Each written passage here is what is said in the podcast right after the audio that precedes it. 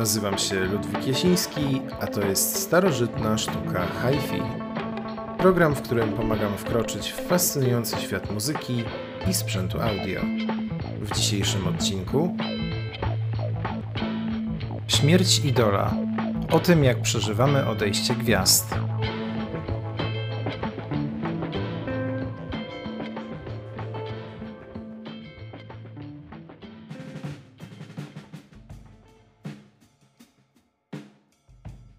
Śmierć jest wszechobecna, nieunikniona i przede wszystkim smutna. Kiedy jednak dotyka osobę znaną na całym świecie, to powiedzmy sobie, procedura postępowania wydaje się nieco inna. Zaczynają się wtedy dziać iście niestworzone rzeczy. Wzrasta liczba fanów zmarłego muzyka, wzrasta sprzedaż, a równocześnie nagle wszyscy dookoła zaczynają doceniać dorobek artysty znacznie bardziej niż przedtem – przymykając oko na niektóre momenty ludzkiej słabości czy zwyczajnie ekstrawaganckie ekscesy. Pora zastanowić się nieco nad tym bardzo dziwnym, a zarazem bardzo ciekawym zagadnieniem i, można powiedzieć, fenomenem. Niestety żyjemy obecnie w czasach, w których stara kadra legend muzyki, które nadal są pośród nas, coraz bardziej się kurczy. Z każdym dniem otrzymujemy informacje o znakomitych muzykach, którzy kolejno odchodzą. Ostatnio do tego grona dołączyli Sinead O'Connor, Astrud Gilberto, Tony Bennett, Jane Birkin, Burt Bacharach, Wayne Shorter, Ryuichi Sakamoto, Sixto Rodriguez czy Tina Turner.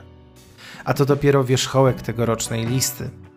Jednak czy wszyscy naprawdę jesteśmy tak smutni i zdruzgotani, jak wyrażamy to na przykład na portalach społecznościowych? Oczywiście wieloletni fani danego wykonawcy z pewnością boleśnie przechodzą śmierć swojego idola.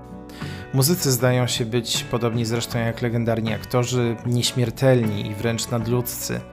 Dlatego, kiedy umierają, wydaje się to bardzo dziwne. Co się jednak dzieje w momencie śmierci takiej osoby? Oprócz prawdziwych fanów, którzy potrafią zbierać się wokół domu zmarłego z transparentami, z niczami, koczując tam po kilka dni, znajdziemy również niestety i takich krótkotrwałych fanów.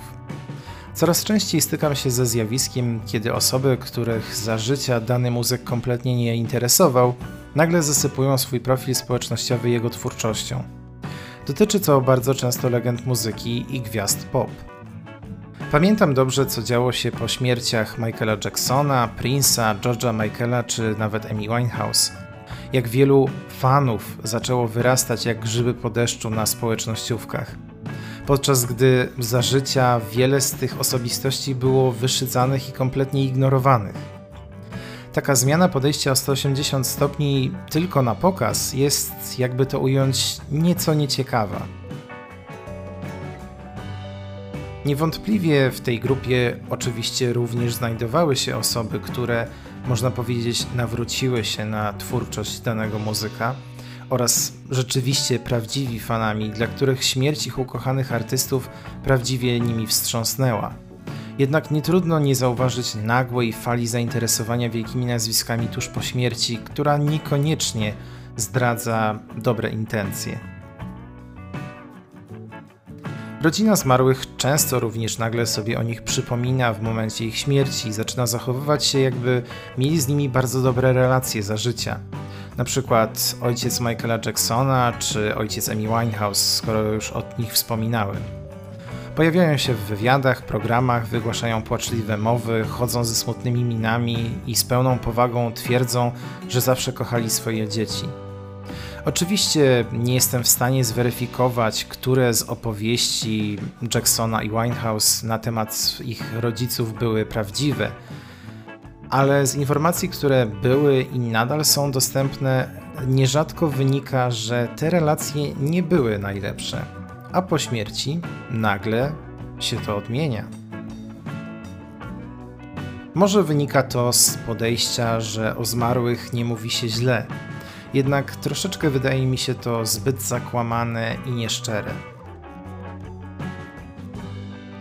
Oczywiście firmy fonograficzne i sprzedawcy podłapują to natychmiastowo, wypuszczając nowe reedycje całej dyskografii zmarłego muzyka, składanki, boksy, edycje limitowane, kolekcjonerskie, wydanie winylowe, a także masę, ale to naprawdę masę niepublikowanych wcześniej nagrań, które zwykle nie były publikowane oficjalnie, podczas gdy na bootlegach można było je usłyszeć już dawno.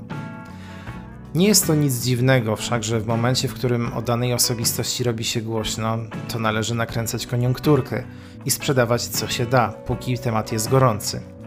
Niestety tak wygląda nasza konsumpcyjna rzeczywistość. Jednak czy to na pewno znak naszych czasów? Oczywiście mnogość wydań i gadżetów jak najbardziej, jednak ta nagonka na nagły zachwyt czyjąś osobą i jego twórczością dopiero po śmierci zdaje się być zapisana złotymi zgłoskami w historii ludzkości. Przypomnijmy sobie, jak choćby Vincent van Gogh zyskał sławę i rozgłos dopiero po swoim odejściu. Zdaje się, że tak po prostu już mamy, nie doceniamy kogoś, dopóki go nam nie zabraknie. I tak właśnie po śmierci następuje zachwyt nad tym, co utracone i już nigdy nie powróci. Niektórzy rzeczywiście żałują utraty danego wykonawcy, inni nagle zaczynają go słuchać, bo jest taka moda na jego piosenki po śmierci. Ostatnio tak było z Tiną Turner, której utwory były puszczane co 15 minut w każdej stacji radiowej. Niezależnie od tego, jaka była tematyka stacji, ani jaka była tematyka danej audycji. Piosenki takie zaczynają nam brzydnąć i mamy ich zwyczajnie dosyć po chwili. Ale przecież trzeba nas sprzedawać reedycji płyt, prawda?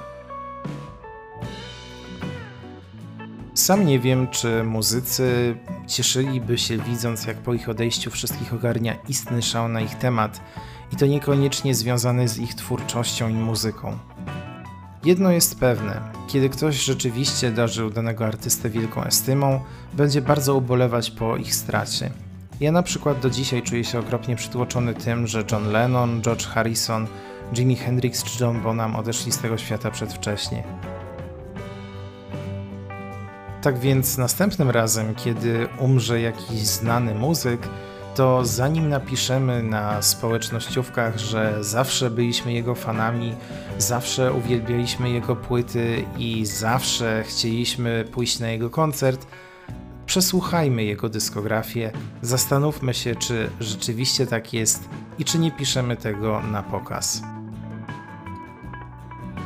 A w następnym odcinku zapraszam na recenzję dousznych słuchawek TWS Apple AirPods drugiej generacji. Do usłyszenia.